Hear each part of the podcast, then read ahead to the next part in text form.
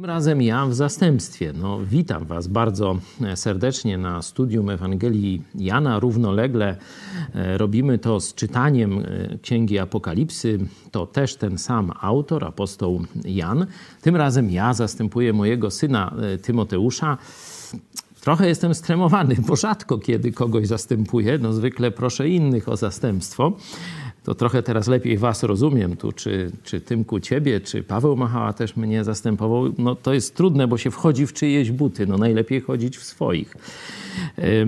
Poproszę teraz, żebyśmy na początek y, pomodlili się. Ja poprowadzę modlitwę, a potem chciałem, żebyśmy się w grupach y, podzielili tym, co do tej pory przeżyliście, jeśli chodzi o studiowanie Ewangelii Jana co to wam dało, jak zmieniło się być może któryś fragment, któryś werset, odkrycie, myśl podczas studium, czy jest świadectwo, y, jak to zmieniło wasze myślenie o Bogu, myślenie o wasze, waszym życiu, może coś zmieniliście w swoim postępowaniu w związku z tym, także po modlitwie podzielimy się na grupy powiedzmy takie e, pięcioosobowe.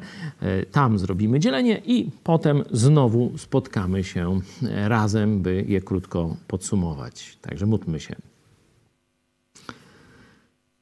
Kochany Ojcze, dziękujemy Ci za Twoje słowo. Dziękujemy Ci, że możemy je czytać w ojczystym języku, że ktoś kiedyś dokonał tej ciężkiej pracy tłumaczenia Dziękujemy Ci, że możemy rozumieć Twoje słowo, że Duch Święty też rozświetla nasz umysł, byśmy je przyjmowali nie tylko jako wiedzę, ale przede wszystkim jako słowo życia i by nasze życie zmieniało się na obraz i podobieństwo Jezusa. Dziękujemy Ci, Panie Jezu, że rzeczywiście poszedłeś na krzyż Golgoty za nas. Dziękujemy Ci, Boże Ojcze, że dokonałeś tak wielkiego aktu miłości, żeby swojego jednorodzonego syna dać, aby nas z powrotem mieć ze sobą. Prosimy, by Twoja wielka miłość, pamięć o niej, przeżywanie głębokie i radość towarzyszyły nam w naszym chrześcijańskim życiu, żebyśmy nie przyzwyczajali się do tego, że jesteśmy zbawieni i fajnie ale że, żebyśmy każdego dnia chwalili Ciebie i z radością służyli. Amen.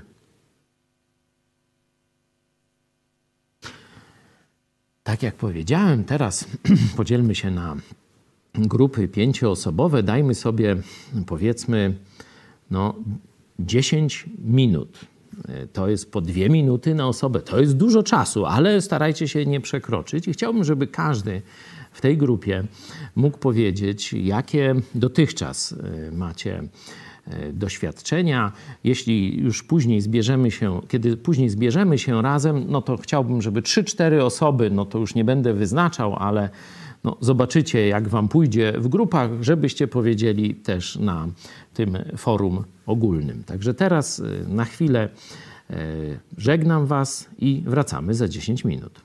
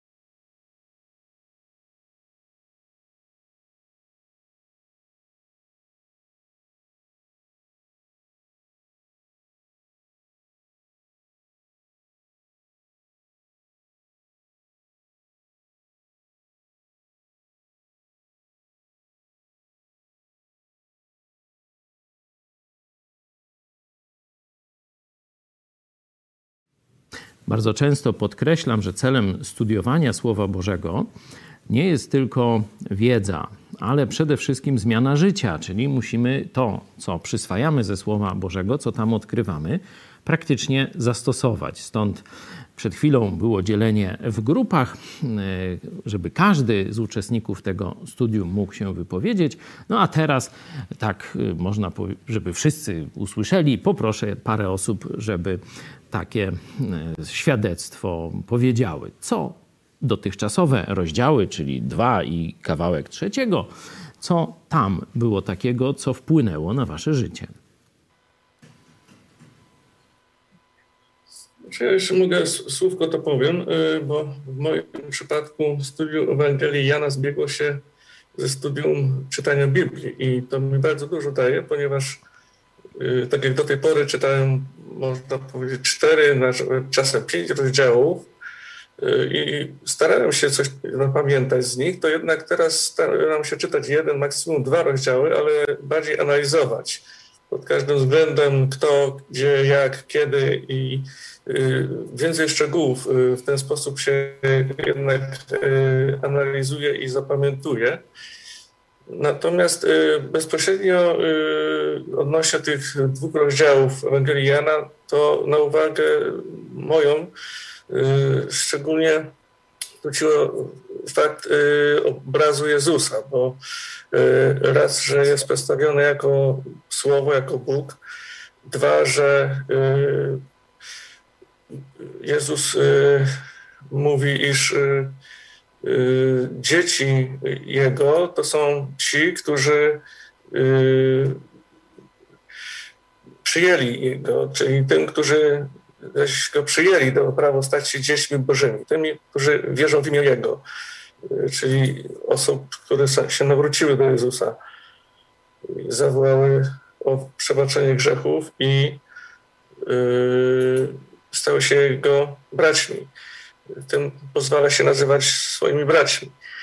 Oczywiście y, Ewangelia y, i listy, cały Nowy Testament y, prowadzi nas do poprawy naszego życia, stosowania Słowa Bożego na co dzień. To tak pokrótce. I bardzo. Cieszę się, że no, zaczęłeś, no, zacząłeś tak rozsmakowywać się w takim wchodzeniu w głąb, nie, nie tylko w samym takim poznawaniu, w, powiedzmy w hurtowych ilościach Słowa Bożego, ale też właśnie w analizowaniu takich związków. Dzięki. Krzysiek, czy ktoś jeszcze?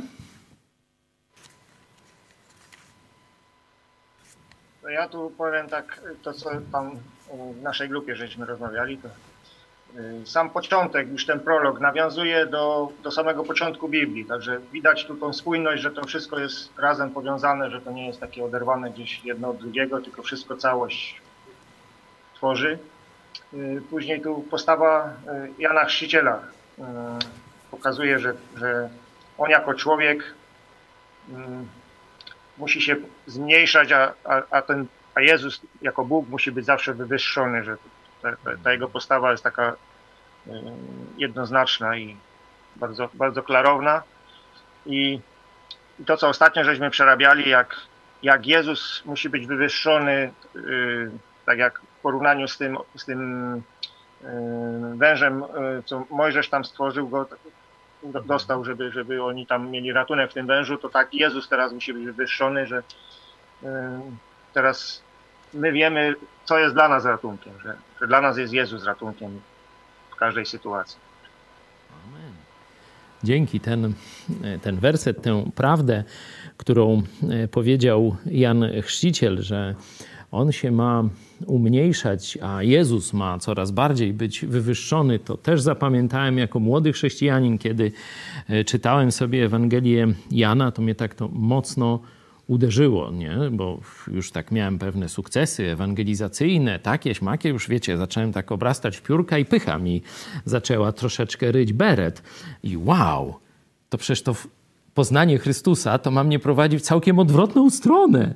To mam właśnie widzieć Jego jako wspaniałego mojego Zbawiciela i Pana, a sam mam się, że tak powiem, schodzić na, na dalszy plan. I mam nadzieję, że no, jakoś tam po latach też widzicie e, ten sam rys w służbie, że chodzi o to, że owocem mojej służby, czy jako tego, który głosi Ewangelię, czy jako tego, który później prowadzi grupy biblijne, czy który prowadzi Kościół, ma być to, nie żeby ludzie mnie w jakiś sposób tam chwalili, mm, y, tam szli za mną i tak dalej, czy do mnie się odnosili, odwoływali, ale żebym ja potrafił skutecznie prowadzić ich do Jezusa Chrystusa, żeby to On rósł w ich oczach i coraz bardziej, żeby chcieli za Nim iść, do Niego się upodabniać. Także dzięki Arek za też to przypomnienie. Czy jeszcze ktoś? No, możemy przegadać cały czas, który mamy na studium, ale mam nadzieję,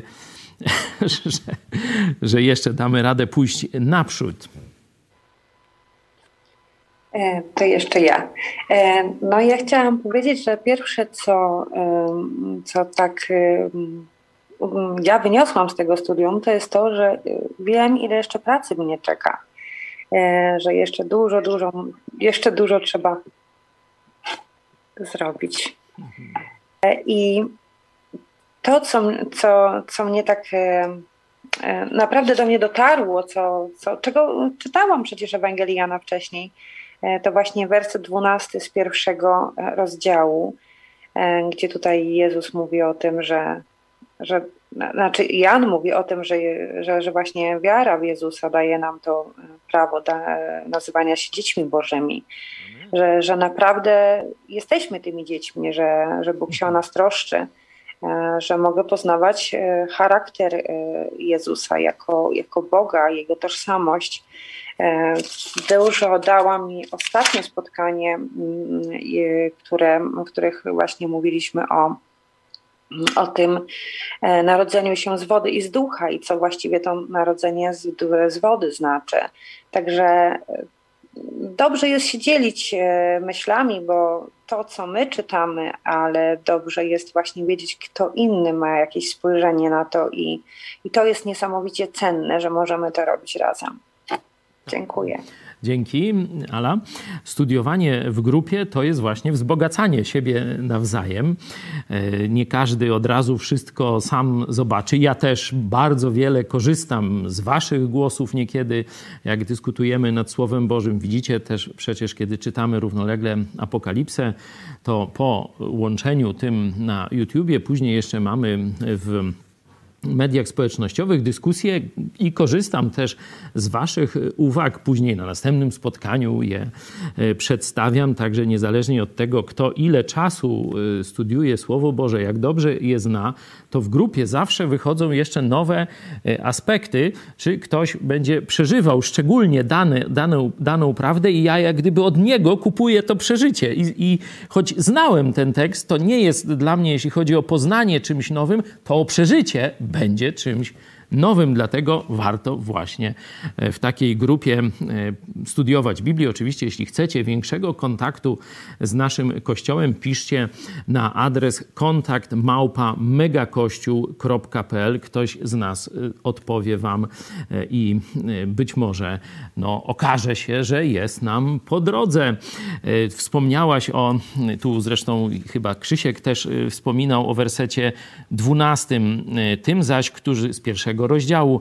Tym zaś, którzy go przyjęli, dał prawo stać się dziećmi bożymi. Tym, którzy wierzą w imię Jego. Zobaczcie, kto dał prawo. Oczywiście chodzi o Boga e, i e, tak jak, no, żeby stać się obywatelem na przykład Polski czy Stanów Zjednoczonych, no to są odpowiednie procedury, no albo człowiek się rodzi tym obywatelem i później dostaje to e, na piśmie, czyli w postaci jakiegoś paszportu, dowodu osobistego, e, czy no tam na przykład prezydent no w Polsce nadaje obywatelstwo, czy, czy różne takie tam rzeczy e, i ktoś ma taki papier i mówi, o jestem obywatelem tego państwa, cieszę się z tego bardzo, to zobaczcie, że tu takie prawo nazywania się dziećmi Boga, tak jak gdyby paszport do nieba, to sam Bóg nam daje. Tu Tatiana jest przede mną, widzę, że coś sobie zapisujesz, bo ty miałaś to przeżycie za sobą jako obywatelka Kazachstanu, choć narodowości y, polskiej, jeśli chodzi o pokolenie przez przodków, musiałaś się mocno ubiegać o polskie obywatelstwo i nie wiem, czy możemy dać Tatianie mikrofon, żeby powiedziała, jak dostałaś paszport polski, jakie to było dla ciebie przeżycie. Na początku musiałam udowodnić, że mam pochodzenie polskie, że mam jakichś przodków. Później też musiałam nauczyć się języka polskiego i to też pokazać, wykazać. No i, e, i podjąć to też było bardzo fajne, to, że musiałam podjąć decyzję, albo mam być w tamtym kraju, albo w tym kraju. I to nie było takie, kim jestem. To wtedy zadaje się pytanie, kim jestem i kim chcę być, do kogo chcę należeć. Jak już dostałaś ten paszport, jakie no, miałaś to się uczucia? ucieszyłam, że teraz tu jest moje miejsce i, mog- i powinnam też dbać o to miejsce. No. No, zobaczcie, jakie analogie, dzięki Tatiana, jakie analogie od razu nam się nasuwają, nie? Że też to y, powód otrzymania tego paszportu to związek z Jezusem. To tym, którzy go przyjęli, którzy przyjęli Jezusa Chrystusa, zaprosili go do swojego życia, uznając swoją grzeszność, uznając, że jest Bogiem wszechmocnym, który przyszedł, aby zapłacić za nasze grzechy całą karę i dzisiaj żyje i chce do nas wejść, jak ktoś odpowie: Jezu, wejdź do mojego serca. Składam całe swoje życie, całą swoją przyszłość w Twoje ręce. Bądź moim zbawicielem i Panem. Jeśli to zrobisz, zobaczcie, tutaj tym zaś, którzy go przyjęli, dał prawo stać się dziećmi Bożymi. Stąd cieszmy się codziennie tym paszportem z nieba. Dzięki y, za te świadectwa. Dzisiaj będziemy rozważać stosunkowo krótki fragment, nie nastręczający jakichś trudności obserwacyjnych, nie? bo wiemy, że takie trzy grupy, można powiedzieć, mm, analizy Biblii mamy. Najpierw obserwacja, czyli co jest rzeczywiście w tekście, nie? kto tam występuje, co powiedział, kiedy, jakie przyczynowo-skutkowe zależności językowe, jakieś takie e, rzeczy, czyli e, gdzie jest podmiot, a gdzie orzeczenie, różne takie rzeczy możemy badać. To jest ten krok, krok obserwacji, kiedy jak gdyby wgryzamy się tekst. Potem jest krok interpretacji, czyli aha, już wiemy kto, wiemy co powiedział i komu, ale teraz co to znaczy, jak to zrozumieć, nie? E, no i następny, najważniejszy, e, to trzeba teraz to zastosować w swoim życiu. Teraz to, co odkryłeś, powinno zmienić przynajmniej troszeczkę to, w jaki sposób do tej pory żyłeś. Nie? Czyli tutaj tekst, który dzisiaj będziemy mieli, za chwilę go przeczytam, nie nastręcza dużo problemów m, mm, takich y, czy obserwacyjnych, y, ale już jeśli chodzi o interpretację, no to troszkę y, będzie, będą pewne schody, ale najważniejsze, myślę, najważniejsza część z tego fragmentu, najważniejszy m, mm, ładunek tego fra fragmentu to jest zastosowanie to, co właśnie możemy zmienić, czym możemy się cieszyć, co możemy nieść każdego dnia w swoim życiu i co możemy użyć też, żeby przekonywać innych do tego, żeby zawołali do Jezusa: Jezu, ratuj. Y, poprzedzał ten Jesteśmy w rozmowie Jezusa z Nikodemem. Nikodem, y, nauczyciel żydowski, faryzeusz, członek tych władz religijnych, można powiedzieć, tak jakby biskup z episkopatu przyszedł potajemnie do Jezusa. To tak, nie taki najważniejszy, ale no jakiś tam powiedzmy y, jeden z, z trzeciej ligi biskupów, nie? No bo Nikodem chyba no, nie był taki no, najważniejszy, nie był arcykapłanem, nie był w tym najbliższym otoczeniu, ale był kimś ważnym, dostojnik żydowski jest tu przedstawiony przychodzi do Jezusa w nocy, czyli nie chciał, żeby tam wiedziano, żeby się tam ktoś dowiedział, że on z Jezusem ma tu jakieś e, konotacje. Tam oczywiście coś już słyszał, coś wie, bo mówi nauczycielu e, dobry, ale Jezus, zobaczcie, że tak go traktuje troszeczkę no tak z buta to nie, ale dość szorstko, nie? Że, że nie jest wcale ojej, ksiądz biskup do nas przyszedł, nie? Tylko no, no, jesteś nauczycielem w Izraelu, a tego nie wiesz? Nie? Pamiętacie to z poprzedniej, z poprzedniej lekcji z Tymkiem. Także rozmawiają. Oczywiście każdemu, kto do Jezusa przychodzi, Jezus chce powiedzieć Ewangelię o zbawieniu. Nie? Niezależnie, czy to jest prosta kobieta, Żydówka, czy poganka, nie? bo i z takimi, i z takimi rozmawia, czy to jest wielki, wielki tam nauczyciel, dostojnik, faryzeusz, biskup, ksiądz. Nie? On każdemu chce przekazać Ewangelię o darmowym zbawieniu, bo czy ktoś jest ubogą kobietą, czy bogatym biskupem, jeśli nie zawoła do Jezusa, kończy w piekle. No i dlatego Jezusowi zależy, żeby każdy przed tym piekłem się uratował. Tłumaczy mu na podstawie starego Testamentu na podstawie historii z wężem. E, pamiętacie, historia z wężem. Żydzi zgrzeszyli, Bóg się na nich rozgniewał, zesłał no, plagę węży jadowitych. Jak ktoś został ukąszony, to zaraz tam puch czy coś tam i szybko umierał. Kiedy Mojżesz to zobaczył, Boże, no to za chwilę cały Izrael tu położysz, a przecież mówiłeś, że tu zrobisz nas wspaniałe państwo, że tu ziemia obiecana czeka, to przecież poganie się będą teraz śmiali. No proszę, błagam, zrób coś, zatrzymaj tę chorobę. Bóg odpowiedział na modlitwę Mojżesza, powiedział weź zrób miedzianego węża szybko, wy, wywyż go na jakimś takim y, drzewcu, tyczce, wysoko, żeby każdy w obozie mógł zobaczyć i ogłoś. Kto spojrzy z wiarą na tego węża, będzie uratowany od śmierci z powodu ukąszenia przez te jadowite węże. Nie? I wersety, które poprzedzają fragment, który dzisiaj będziemy czytać, to jest i jak Mojżesz wywyższył węża na pustyni, tak musi być wywyższony Syn Człowieczy. Zobaczcie, jest analogia. Tam był wąż na tę chorobę doraźną, która powodowała śmierć fizyczną. Tu jest Syn Człowieczy. Aby każdy, kto weń wierzy, nie zginął, i tu już możemy powiedzieć, jak nie zginął? Nie zginął śmiercią wieczną, czyli nie poszedł do piekła, ale miał żywot.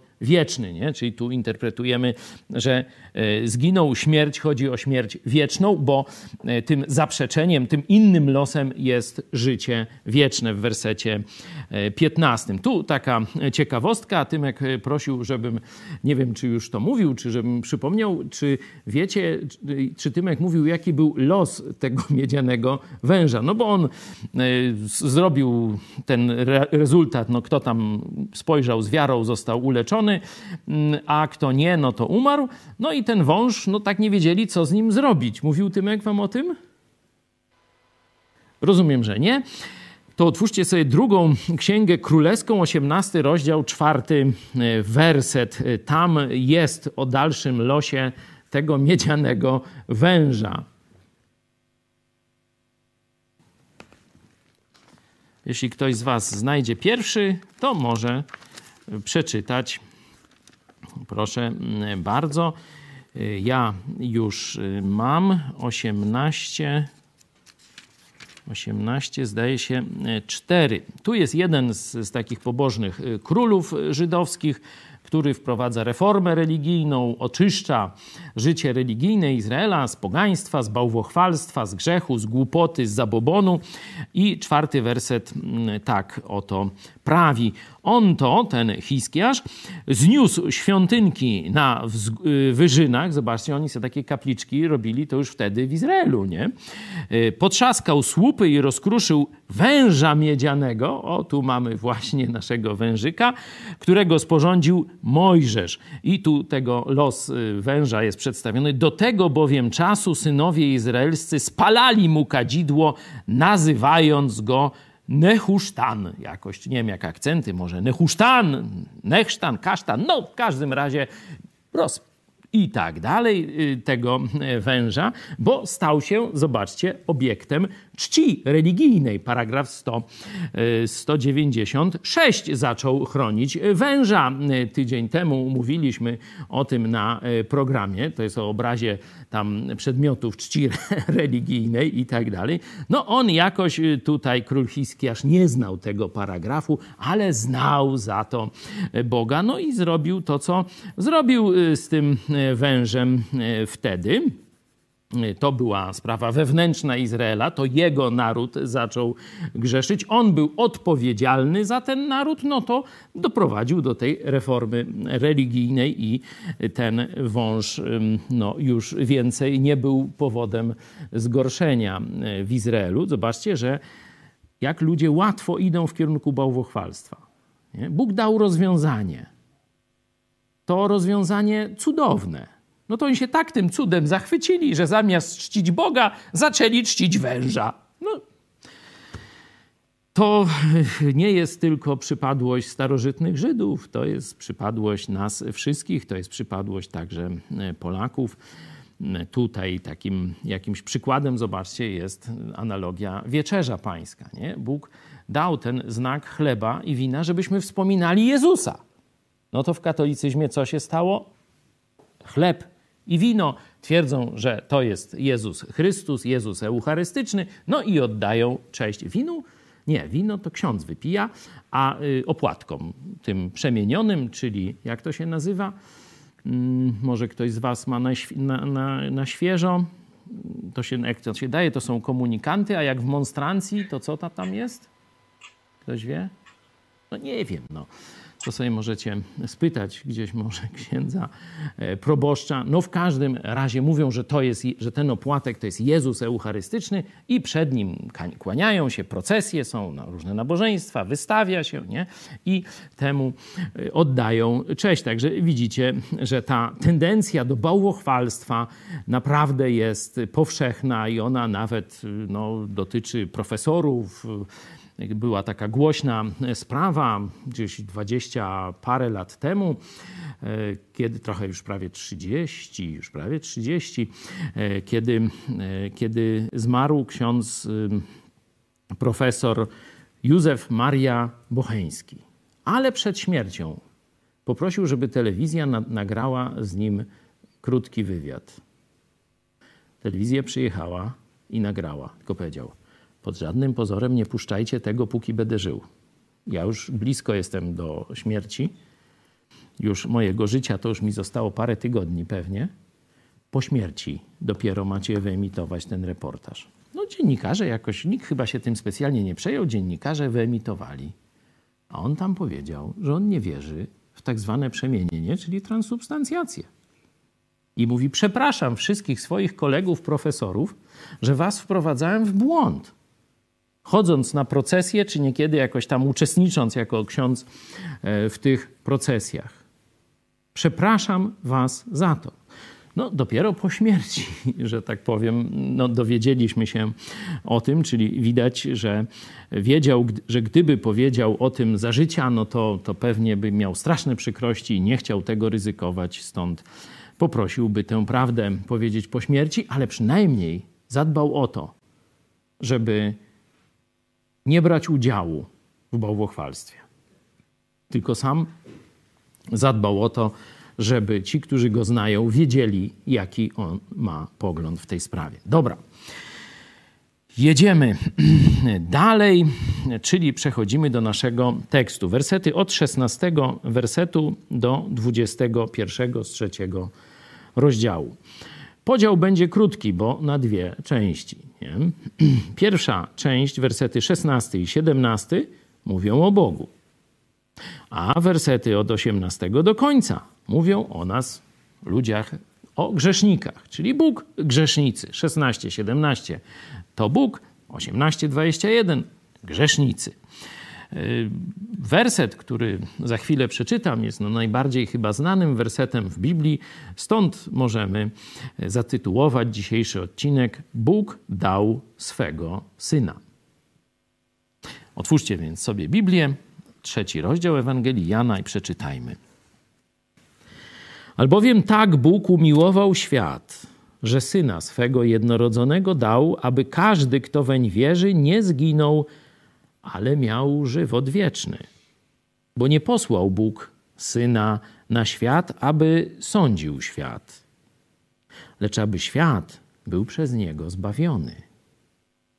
Kto wierzy w niego, nie będzie sądzony.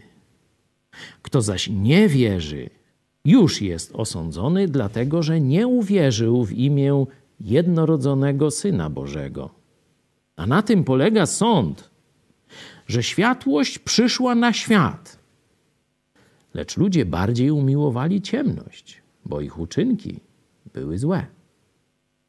Każdy bowiem, kto źle czyni, nienawidzi światłości i nie zbliża się do światłości, aby nie ujawniono jego uczynków. Lecz kto postępuje zgodnie z prawdą, dąży do światłości, aby wyszło na jaw, że uczynki jego są dokonane w Bogu. Także widzicie, że pod względem e, budowy czy, czy tekstu, jakichś zawiłości, tu ten proces obserwacji będzie dość krótki. Nie? Tu nie ma, nie jest to trudny tekst, o, tak powiem. Nie? Szczególnie ten werset, y, albowiem tak Bóg umiłował świat, że Syna swego jednorodzonego dał, aby każdy, kto weń wierzy, nie zginął, ale miał żywot wieczny. Prawie każdy chrześcijanin zna na pamięć. Nie? A tak jak powiedziałem, wielu sportowców stara się, żeby to J316 dotarło do niewierzącego świata. Spróbujmy jednak y, troszeczkę mm, zatrzymać się nad tym no, bardzo popularnym wersetem. I proszę, żebyście wyodrębnili osoby, jakie pojawiają się, osoby, grupy osób, nie? Y, jakie pojawiają się w tym szesnastym wersecie. Bóg, mhm. Jego Syn, Bóg, jednorodzony, syn. Mhm I teraz wszyscy to będzie za dużo. Jakby podzielić teraz ludzi, nie? Jak podzielić ludzi, mm, czy jak Bóg w tym wersecie dzieli ludzi? Każdy wierzący. Wierzący, nie? No bo tu to są, kto weń wierzy, nie? No to jak wierzy, no to jest wierzący, tak określamy tych ludzi. Czyli mamy Bóg, Syn, wierzący,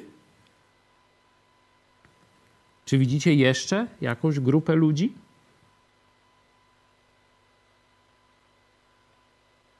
Ja widzę wszyscy, cały świat. Świat. Mhm.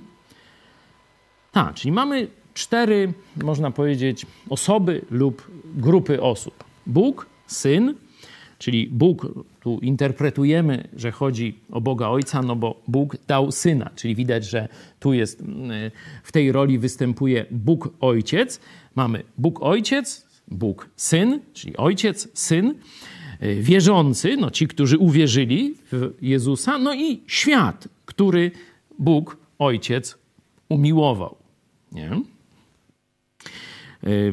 warto, no, to ta pierwsza, pierwsza grupa osób, Bóg, Syn, czyli Ojciec, Syn, to dosyć ja, łatwo nam poszło, ale zobaczcie, z tym, żeby zobaczyć, że tu dalej są dwie grupy osób, to już troszkę, troszkę schody, czyli widać, że tu warto jeszcze trochę pogrzebać w tym odkryciu.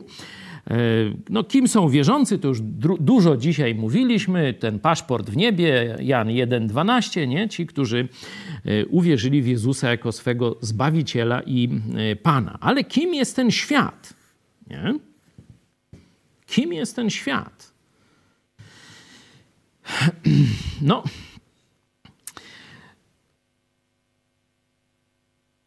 Już niektórzy z Was powiedzieli wszyscy ludzie. Nie? Czyli kiedy mówimy Bóg umiłował świat, no to znaczy umiłował wszystkich ludzi. Nie? Świat rzeczywiście, tu już można sobie zrobić takie studium tematyczne, co znaczy świat w Biblii. E, świat oznacza no, zbiór wszystkich ludzi e, i zwykle oznacza ten zbiór wszystkich ludzi zbuntowanych przeciwko Bogu. Tak jak Jezus mówił, wy nie jesteście ze świata. Nie? W 17 rozdziale, czy, czy niekiedy w innych jeszcze miejscach w Biblii znajdziecie. Nie jesteście ze świata. Czyli wy już, bo Kościół to jest właśnie ek Lezja, czyli ludzie, którzy zostali wywołani ze, z jakiejś y, większej zbiorowości i skupieni. Eklezja, nie? Zgromadzenie, ale wywołanych, nie? Czyli najpierw oni wyszli z jakiegoś większego, dużego zgromadzenia i skupili się w jakąś mniejszą wspólnotę podzbiór, nie? mówiąc językiem matematyki, y, czyli wierzący należeli kiedyś do świata, ale przez to, że zaufali Jezusowi, już do tego świata nie należą, tworzą nowy zbiór, Kościół Jezusa Chrystusa, ciało Chrystusa. Ponad tydzień temu tu mm, pastor Paweł Machała bardzo pięknie, e, tak i trochę przewrotnie, piękne kazanie powiedział, zatytułował je troszeczkę tak e, powiedzmy przewrotnie, kontrowersyjnie, oto ciało Chrystusa. Nie? Także polecam e, to kazanie. Naprawdę no, zobaczycie, że szczególnie waszym przyjaciołom katolickim możecie pokazać, że to całkiem co innego. Ciało Chrystusa w Biblii znaczy całkowicie co innego. Także To taki, e, no, taka kryptoreklama dodatkowa, e, a my wracamy do tego podziału. E, wywołani, czyli wierzący, nie? Na razie ich nazywajmy wierzący, bo wywołani no to z innych tekstów biblijnych, wierzący i świat. Świat no to zbiór wszystkich ludzi, którzy jeszcze Boga nie znają. My kiedyś też należeliśmy do tego zbioru. Nie? Każdy chrześcijanin, każdy zbawiony kiedyś należał do tego zbioru świat. No i teraz, e, teraz ciekawe wnioski. E, wielu chrześcijan myśli, że Bóg ich kocha, dlatego że oni uwierzyli w Jezusa. Albo dlatego, że oni na przykład należą do kościoła albo że Bóg ich kocha, bo oni pełnią dobre uczynki, albo czytają Biblię po pół godziny dziennie, nie? Kiedy Bóg cię ukochał? Tak, gdy byłeś niewierzący. Gdy byłeś niewierzący, Bóg już cię kochał chociaż byłeś zbuntowany, chociaż robiłeś przeróżne złe rzeczy, chociaż często mu bluźniłeś i różne, no tam niech nie będę sam sobie, to Bóg już cię kochał. Warto sobie z tego zdać sprawę, że Jezus umarł nie za fajnych ludzi, za ohydnych ludzi. Ja się do nich zaliczam. Jezus umarł za ohydnych ludzi, a Bóg Ojciec ukochał ohydnych ludzi, nie dobrych ludzi ohydnych ludzi ukochał Bóg. Dalej można ten wniosek pociągnąć, jeśli jest y, podzbiór i jest ten cały zbiór, no to znaczy, że to nie są, nie są y, tożsame rzeczy. Czyli świat i wierzący to są dwa różne zbiory, to są, można powiedzieć, dwa różne światy. Nie? Często to szczególnie papież Franciszek, ale już i inni papieże, tak część księży katolickich idzie w tą stronę. Wszyscy jesteśmy dziećmi Boga. Nie? Wsiadajcie z muzułmanami do jednej arki albo coś tam, różne takie tam rzeczy. To jest absolutnie niebiblijna postawa. Nie wszyscy jesteśmy dziećmi Boga. Owszem, Bóg chciałby, żeby wszyscy odpowiedzieli na ofertę Jezusa.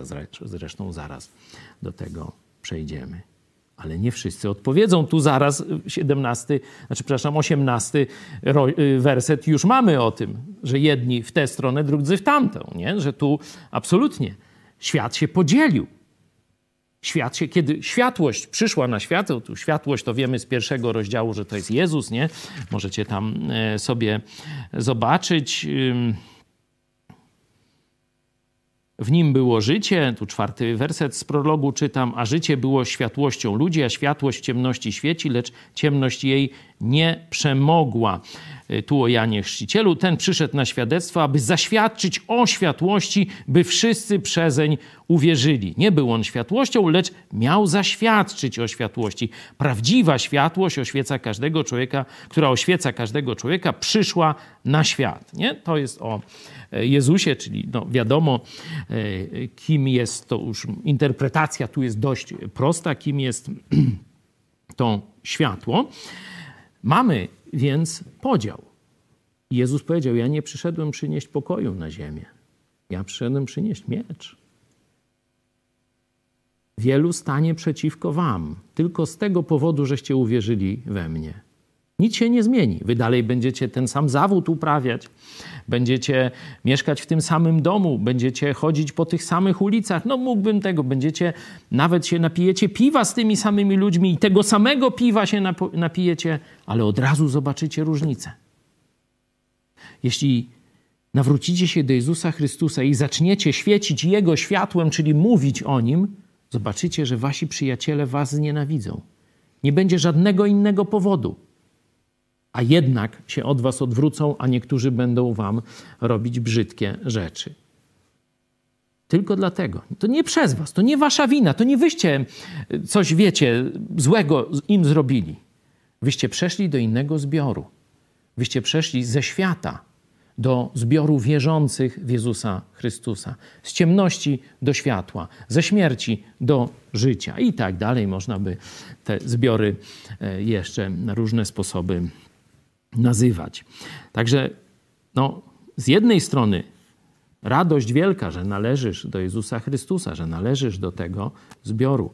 Z drugiej strony świadomość, że świat idzie do piekła. Twoi bliscy, którzy jeszcze nie znają Jezusa Chrystusa, nie mają życia wiecznego, bo tylko dzięki Jezusowi jest życie wieczne. Tu zobaczcie, już jest proste zastosowanie. Naszą misją jest iść z informacją o zbawieniu, czyli głosić Ewangelię, bo Ewangelia to jest dobra nowina dokładnie o zbawieniu. To jest moja i Twoja misja, żeby tym ludziom po prostu powiedzieć. Zobaczcie, że to nie myśmy wymyślili Ewangelię. Nie? To nie myśmy stworzyli cokolwiek, jeśli chodzi o Ewangelię. Myśmy tylko ją przyjęli. A teraz Bóg oczekuje od nas, że ją podamy dalej. Nie? Warto też także, mam nadzieję, że już ten podział na te cztery grupy ojciec, syn, świat, wierzący i to zastosowanie jest dla Was jasne. Tu ciekawostka, jest grupa chrześcijan, które, którzy twierdzą, że Bóg kocha tylko wybranych. Nie? Czyli nie cały świat, tylko jakichś wybranych. No to pokażcie mi z tego wersetu, gdzie to jest o tym mowa. Albowiem tak Bóg umiłował świat. Nie? Czyli ta teologia kalwińska jest tutaj, no, że tak powiem, już, no, jak to powiedzieć, no, obalona, nie? Jej, jej prawdziwość jest tutaj wprost wykazana. Zobaczmy jeszcze, pochylmy się e, na chwilę nad tym aktem poświęcenia syna dla mojego, Twojego dobra, dla dobra brzydkich, złych ludzi. Żeby sobie to uzmysłowić, cofnijmy się do na pewno znanej Wam historii, czyli historii Abrahama, kiedy on miał złożyć w ofierze swojego syna. To będzie gdzieś w Starym Testamencie, nie? Może nam się uda nawet gdzieś znaleźć. Ktoś pamięta, gdzie to jest?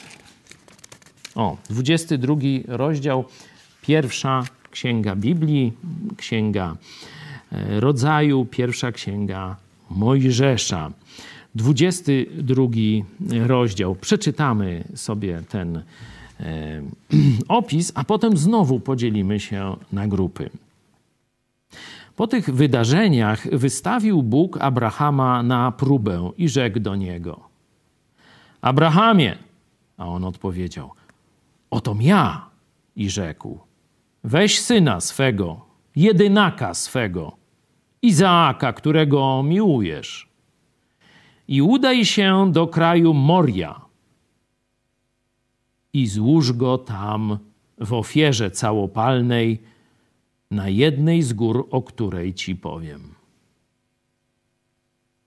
Wstał tedy Abraham wczesnym rankiem osiodłał osła swego i wziął z sobą dwóch ze sług swoich i syna swego Izaaka.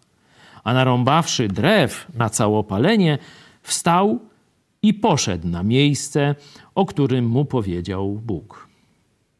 Trzeciego dnia podniósł Abraham oczy swoje i ujrzał z daleka to miejsce. Wtedy rzekł Abraham do sług swoich: Zostańcie tutaj z osłem, a ja i chłopiec pójdziemy tam, a gdy się pomodlimy, wrócimy do was. Abraham wziął drwa na całopalenie i włożył je na syna swego Izaaka. Sam zaś wziął do ręki ogień i nóż. I poszli obaj razem. I rzekł Izaak do ojca swego Abrahama tak. Ojcze mój, A ten odpowiedział: Oto jestem, synu mój. I rzekł: Oto ogień i drwa. A gdzie jest jagnię na całopalenie? Abraham odpowiedział: Bóg upatrzy sobie jagnię na całopalenie, synu mój. I szli obaj razem. A gdy przybyli na miejsce, o którym mu Bóg powiedział, zbudował tam Abraham ołtarz i ułożył drwa. Potem związał syna swego Izaaka i położył go na ołtarzu na drwach. I wyciągnął Abram swoją rękę i wziął nóż, aby zabić syna swego.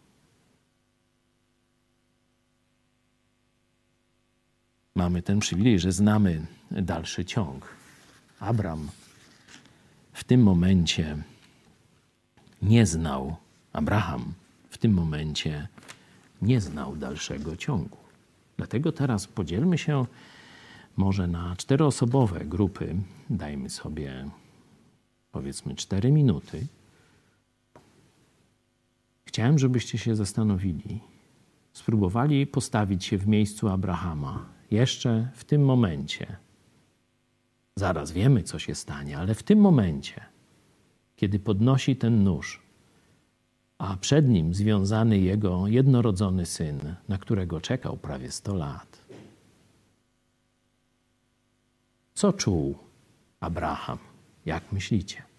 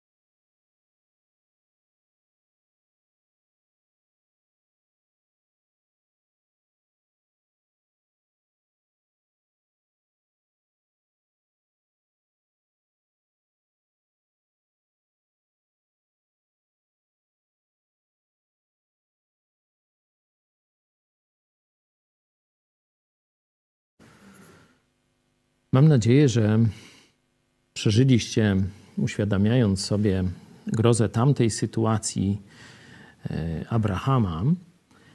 Wielu z Was być może jako rodzice doświadczali tego, że mogli stracić dziecko swoje, to wiecie, jaki to jest strach, stres. Człowiek jest gotowy wszystko zrobić, błaga, prosi i tak dalej. Zobaczcie, że Abraham nie wahał się na tak wielkie poświęcenie. Zobaczcie, wstał szybko, wcześnie rano i zrobił wszystko, co Bóg powiedział. Podniósł nawet ten nóż, ale ciągle ufał Bogu. Boże, Ty jesteś dobrym Bogiem. Nie zawiódł się jako pracę domową możecie sobie do końca tam przeczytać ten 22 rozdział. A ja chcę wam pokazać, troszeczkę wybiegając naprzód, 20, e, przepraszam, 56 werset z 8 rozdziału Ewangelii Jana. Sobie zapamiętajcie ten werset. Jezus tam tłumacząc religijnym Żydom, którzy tam nie za bardzo go lubią, chcą go wręcz nawet zabić, no ale to normalka, tłumaczy im o e, swojej relacji z Abrahamem i mówi: Abraham, ojciec wasz, cieszył się, że miał oglądać dzień mój i oglądał i radował się. Widzicie? Zapewne nie, nie mamy tego w Biblii, ale domniemuję, że właśnie gdzieś w tym momencie, potem jak on gotowy oddać swojego syna, Bóg mu objawia, w jaki sposób będzie zbawiony on i cała ludzkość, bo później mówi to, że w Twoim potomku będą błogosławieni wszyscy, nie? czyli będą tam narody błogosławione. Apostoł Paweł to już mówi, że nie chodzi o potomstwie, tylko o jednym, o Jezusa Chrystusa. Prawdopodobnie w tym momencie, po tym wielkim przeżyciu, kiedy on swego umiłowanego syna ma sam własnoręcznie zabić, ale mówi: Bóg jest dobry, Bóg wie, co robi. Bóg nie pozwoli nikogo skrzywdzić niesprawiedliwie. Cały czas idzie w zaufaniu do Boga. Bóg w ostatnim momencie mówi: Stop. I zapewne wtedy objawia mu, że on jednak swojego syna da za grzechy świata.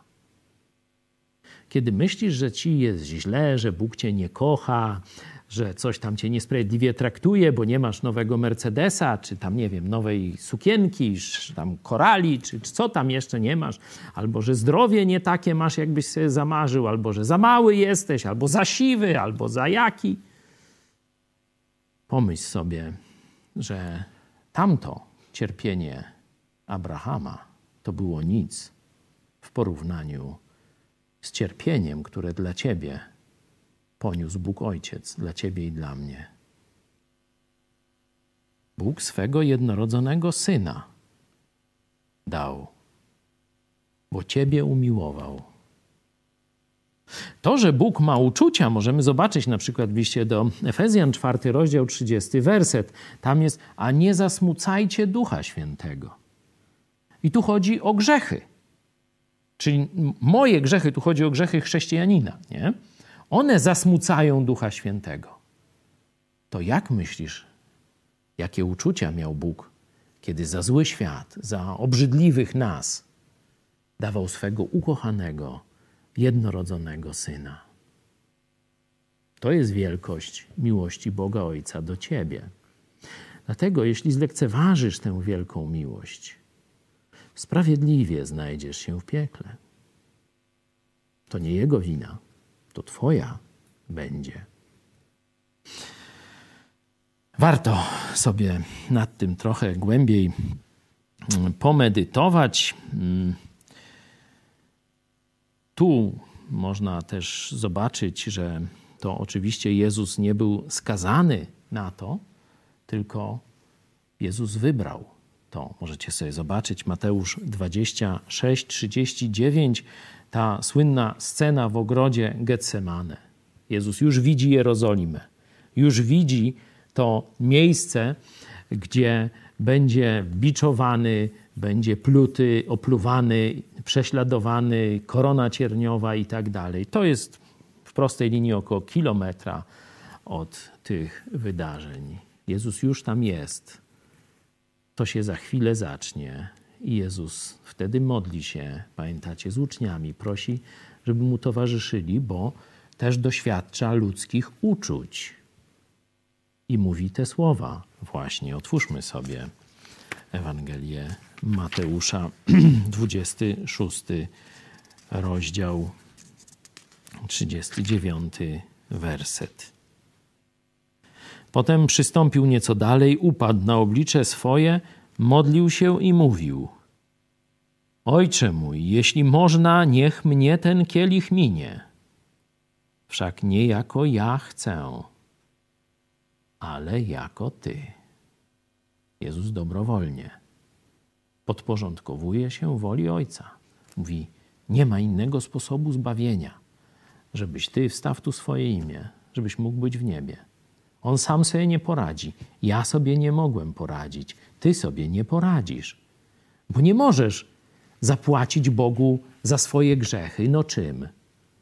Pieniędzmi? No nie żartuj. Dobre uczynki może zrobisz. O, dziewięć piątków se zalicz. Karą za grzech jest śmierć. Albo ty umrzesz, albo ktoś za ciebie ktoś niewinny, no bo każdy inny winny, no to musi za siebie umrzeć. Dlatego Jezus mówi: Nie ma innej drogi, nie ma innego sposobu, więc pójdę za ciebie na krzyż Golgoty i poszedł. Zobaczcie jeszcze dalej w Ewangelii Mateusza, co się dzieje, kiedy Jezus kona. Nie? Żebyście zaczęli, tu z powodu naszego grzechu Bóg, Duch Święty się smuci. To kiedy syn cierpiał na krzyżu Golgoty i był bliski śmierci, a potem skonał. Zobaczcie, nie mamy uczuć Boga, Ojca pokazanych, ale mamy, co On robi z ziemią w tym momencie. Porównajcie sobie to z Apokalipsą, którą czytamy, gdzie Apokalipsa jest właśnie opisem wylania gniewu Bożego na ziemię, która odrzuciła, czyli na ludzi, na świat, który odrzucił, dobrowolnie, świadomie odrzucił Jego Syna. To zobaczcie, co się działo w momencie śmierci Jezusa na krzyżu. To jest 27 e, werset Mateusza od 45 wersetu. A od 6 godziny do godziny 9, trzy godziny, ciemność zaległa całą ziemię. Zaćmienie słońca na całej ziemi na trzy godziny. Zwykle trwa bardzo krótko w sekundach najwyżej, tam w minutach się mierzy i często jest częściowe. Nie? Tutaj całkowita ciemność zaległa całą ziemię. A około dziewiątej godziny zawołał Jezus donośnym głosem: Eli, Eli, lama sabachtani, co znaczy: Boże mój, Boże mój, czemuś mnie opuścił? Niektórzy zaś z tych, co tam stali, usłyszawszy to, mówili: Ten Eliasza woła. I zaraz pobiegł jeden z nich, wziął gąbkę, napełnił octem, włożył na trzcinę, dał mu pić. A inni mówili, poczekaj, zobaczymy, czy Eliasz przyjdzie, aby go wyratować. Ale Jezus znowu zawołał donośnym głosem i oddał ducha. I oto zasłona świątyni rozdarła się na dwoje. Ciekawe, co Nikodem wtedy sobie pomyślał. On wiedział, on znał Ewangelię. Pamiętacie, bo przecież czytamy na samym początku swojej misji, Jezus mu powiedział: Zasłona świątyni, czyli to miejsce najświętsze, zostało oddzielone, od, połączone, ta zasłona została rozdarta. Już nie ma tego połączenia, już, znaczy rozdzielenia. Już nie ma świątyni, można powiedzieć. Kilkadziesiąt lat później Rzymianie dokończyli dzieła, zburzyli tę świątynię i do dzisiaj jej nie ma. Zasłona świątyni rozdarła się na dwoje od góry do dołu i ziemia się zatrzęsła, i skały popękały, i groby się otworzyły, i wiele ciał świętych, którzy zasnęli, zostało wzbudzonych i wyszli z grobów po jego e, zmartwychwstaniu i weszli do świętego miasta i ukazywali się wielu. A setnik i ci, którzy z nim byli i strzegli Jezusa, ujrzawszy trzęsienie ziemi i to, co się działo, przerazili się bardzo i rzekli: Zaiste, ten był synem Bożym. To była tylko próbka, jak gdyby Bóg wstrzymał rękę. Grzeszny świat morduje jego syna mógłby, wiecie, w, chmi, w okamgnieniu, tak jak te wojska później przecież tylko swym oddechem Jezus zabija, mógłby cały świat, że tak powiem, anihilować w tym momencie. Widać, jak bardzo nas kocha. Powstrzymał swój gniew, ale widać objawy pewne tutaj, to trzęsienie ziemi, zaćmienie słońca i różne inne znaki. Pokazuje, że stało się coś strasznego i rzeczywiście widzimy później, po tych znakach, kiedy apostołowie po zesłaniu Ducha Świętego do tej samej Jerozolimy wchodzą i zaczynają mówić o znaczeniu śmierci Jezusa, od razu tysiące ludzi się nawraca. A następnego dnia kolejne tysiące i tak każdego dnia przez wiele dni. To właśnie przecież są ludzie, którzy to wszystko widzieli. Dobrze, można by naprawdę długo jeszcze o tym e, mówić. 17 werset. Bo nie posłał Bóg syna swego na świat, aby sądził świat. To co, to Jezus nie będzie sędzią? No, będziemy jeszcze dalej studiować Ewangelię Jana i e, zobaczycie na przykład e, w piątym rozdziale, że ojciec, 22 werset, bo i ojciec nikogo nie sądzi, lecz wszelki sąd przekazał synowi.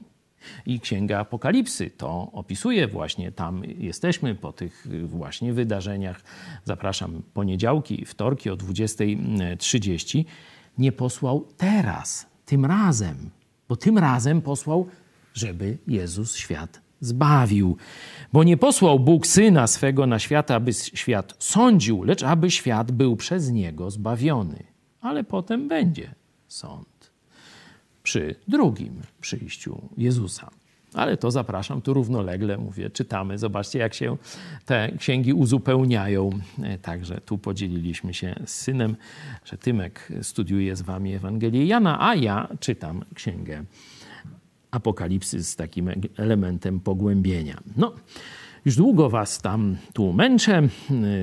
Ostatni, ten drugi fragment o grzesznikach jest stosunkowo prosty, także mam nadzieję, że już tu się nie rozgadam za bardzo. Jeszcze raz przeczytajmy ten fragment. Kto wierzy w Niego, w Jezusa, nie będzie sądzony.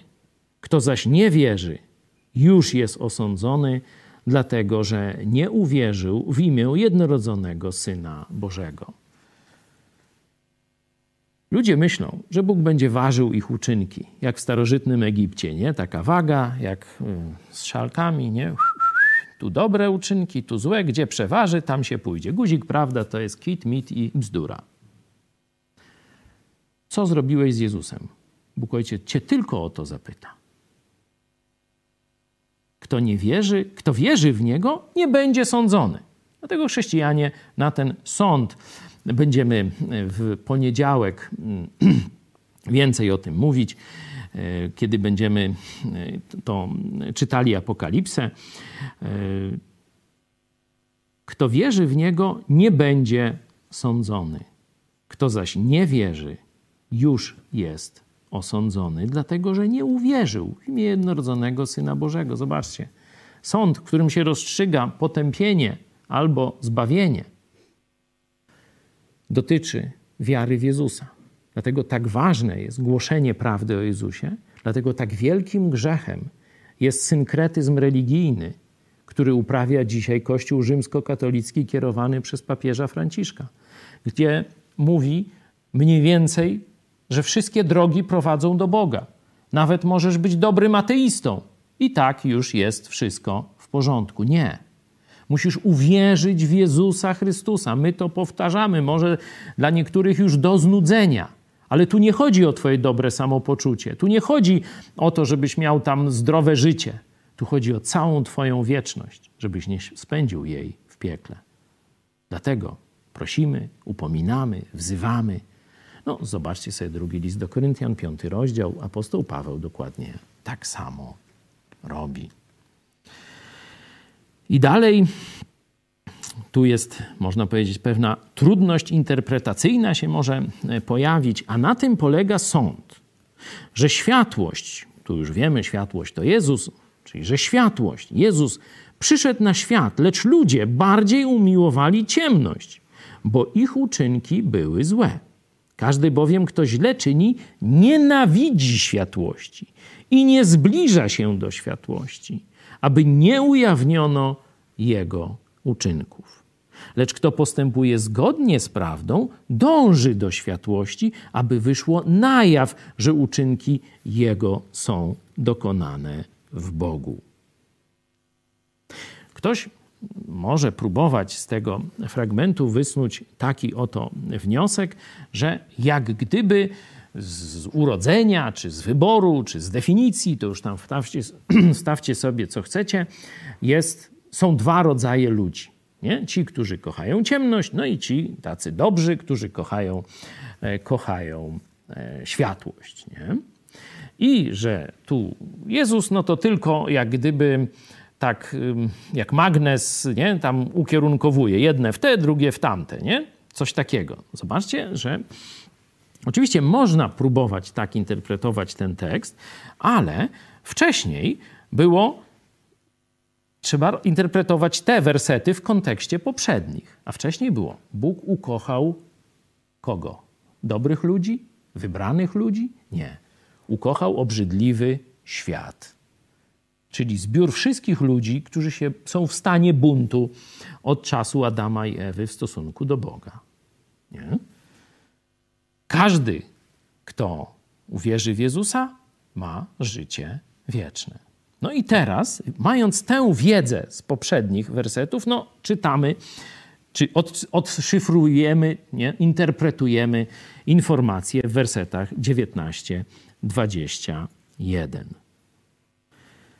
To, czy człowiek przyjdzie do Jezusa, czy nie przyjdzie, zobaczcie, nie zależy od jego wiedzy. Nie? Bo wielu ludzi myśli tak, że jeśli by tak ludzi dobrze przekonać, niektórzy pytają mnie, no ale jakieś może lepsze argumenty by pastor im dał, no to wtedy by się tam moja ciotka, czy wujek, stryjek, brat się wtedy by nawrócił. Owszem, staramy się jak najlepsze te argumenty przedstawiać i wyposażać was w różne elementy do właśnie przekonywania opornych. Y, właśnie tydzień temu pokazaliśmy drugą część filmu Ateistyczne urojenie. Nie? To jest bardzo dobre narzędzie. Może wykorzystacie przy najbliższych świętach wielkanocnych, przy jajeczku czy jakimś innym rodzinnym spotkaniu. Jeśli to będzie zdalnie, no to możecie podesłać link. Niech się jakaś dyskusja w waszej rodzinie rozpocznie na poważne tematy, a nie tylko o różnych tam takich, że tak powiem, mało istotnych sprawach. Ale wróćmy do naszego tekstu. Dlaczego ludzie nie przychodzą do Jezusa, do światłości? Bo są skazani. Bóg ich nie wybrał. No tak powiedzą ci no, kalwiniści. Ale czy ten tekst tak mówi?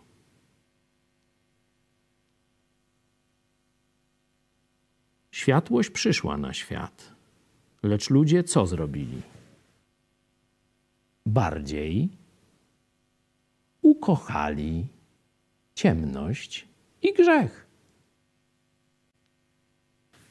To jest ich wybór, to jest ich chęć, najgłębsza w sercu. Czyli zobaczcie, z tego widzimy, że przyjście do Jezusa nie jest problemem tak bardzo intelektualnym. Choć oczywiście chrześcijanie zawsze dawali dowody, bądźcie zawsze gotowi do obrony wiary i tak dalej. Apologetyka, bardzo ważna część chrześcijańskiego wykształcenia, można powiedzieć, czy dojrzałości, drogi do, do, do dojrzałości, żeby umieć bronić y, to, w co wierzymy, tego, w co wierzymy, umieć pokazywać dowody na zmartwychwstanie i tak dalej. Tego też was uczymy na tych różnych poziomach naszego naszego takiego, powiedzmy, szkolenia biblijnego.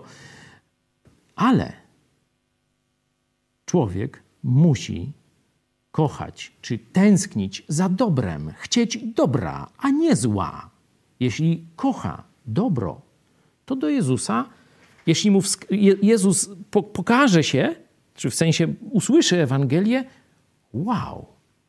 On nie musi wiecie, mieć wielkiego przygotowania biblijnego, nie? Ale czy chce dobra? Czy grzech go mierzi? On grzeszy, on zasługuje na potępienie, każdy z nas. Ale czy on w tym grzechu płacze niekiedy? Czy też dobrze się bawi? Czy też ten grzech jest jego światem, sprawia mu przyjemność, jest jego wyborem. Ten do Jezusa nie przyjdzie. Ten z kolei, który płacze z powodu swojego grzechu, ten do Jezusa przyjdzie. Dlatego Jezus powiedział, pamiętacie, w pewnym miejscu, w pewnym miejscu Ewangelii powiedział tak: Zdrowi nie potrzebują lekarza, nie w tym sensie, że oni są na tyle zdrowi, że się zbawią sami i nie potrzebują Jezusa. Tylko im się zdaje, że nie potrzebują Jezusa. Ci, którzy się źle mają, ci, którzy płaczą nad sobą i tęsknią za dobrem, za sprawiedliwością, ci potrzebują lekarza, wiedzą, że potrzebują lekarza i do Jezusa przyjdą. Dlatego tak ważne jest też mówienie światu prawdy o grzechu. Bo dzisiaj większość kościołów mówi: Bóg cię kocha. Jesteś wspaniały. Bóg nie może się nacieszyć tobą i tak dalej, i tak dalej. Żeby Bóg się tobą cieszył, musisz najpierw rozpoznać, że jesteś ohydny przed Nim. Zawołać do Jezusa pozbawienie, a wtedy zostajesz obmyty Jego krwią. Wtedy rzeczywiście jesteś czysty i Bóg, Ojciec, patrzy na ciebie z przyjemnością, bo już Twoje grzechy zostają zakryte przez krew Chrystusa. Ja bym miał tyle, co najważniejsze z tego fragmentu. Oczywiście, no, pewnie jeszcze jakaś dyskusja się pojawi. Może jeszcze będziemy za tydzień. Tymek będzie kontynuował tę dyskusję o tych wersetach 19-21. Jeśli chodzi o interpretację, no to z całego tego fragmentu one e, są najtrudniejsze, ale myślę, że najważniejsze, co z tego fragmentu powinniśmy zapamiętać, to jest ta wielka miłość Boga Ojca do każdego z nas. Ta wielka miłość, która spowodowała, że posłał Jezusa, swego jednorodzonego, umiłowanego syna. Pokazywałem przykład Abrahama. Co to znaczy oddać swego jednorodzonego syna? Bóg nie musiał, ale chciał. Bóg to zrobił. Warto, żebyś się zastanowił poważnie, czy ty chcesz przyjąć Jego ofiarę. Czy chcesz przyjąć Jezusa, aby być na zawsze w niebie ze swoim Ojcem? Do zobaczenia.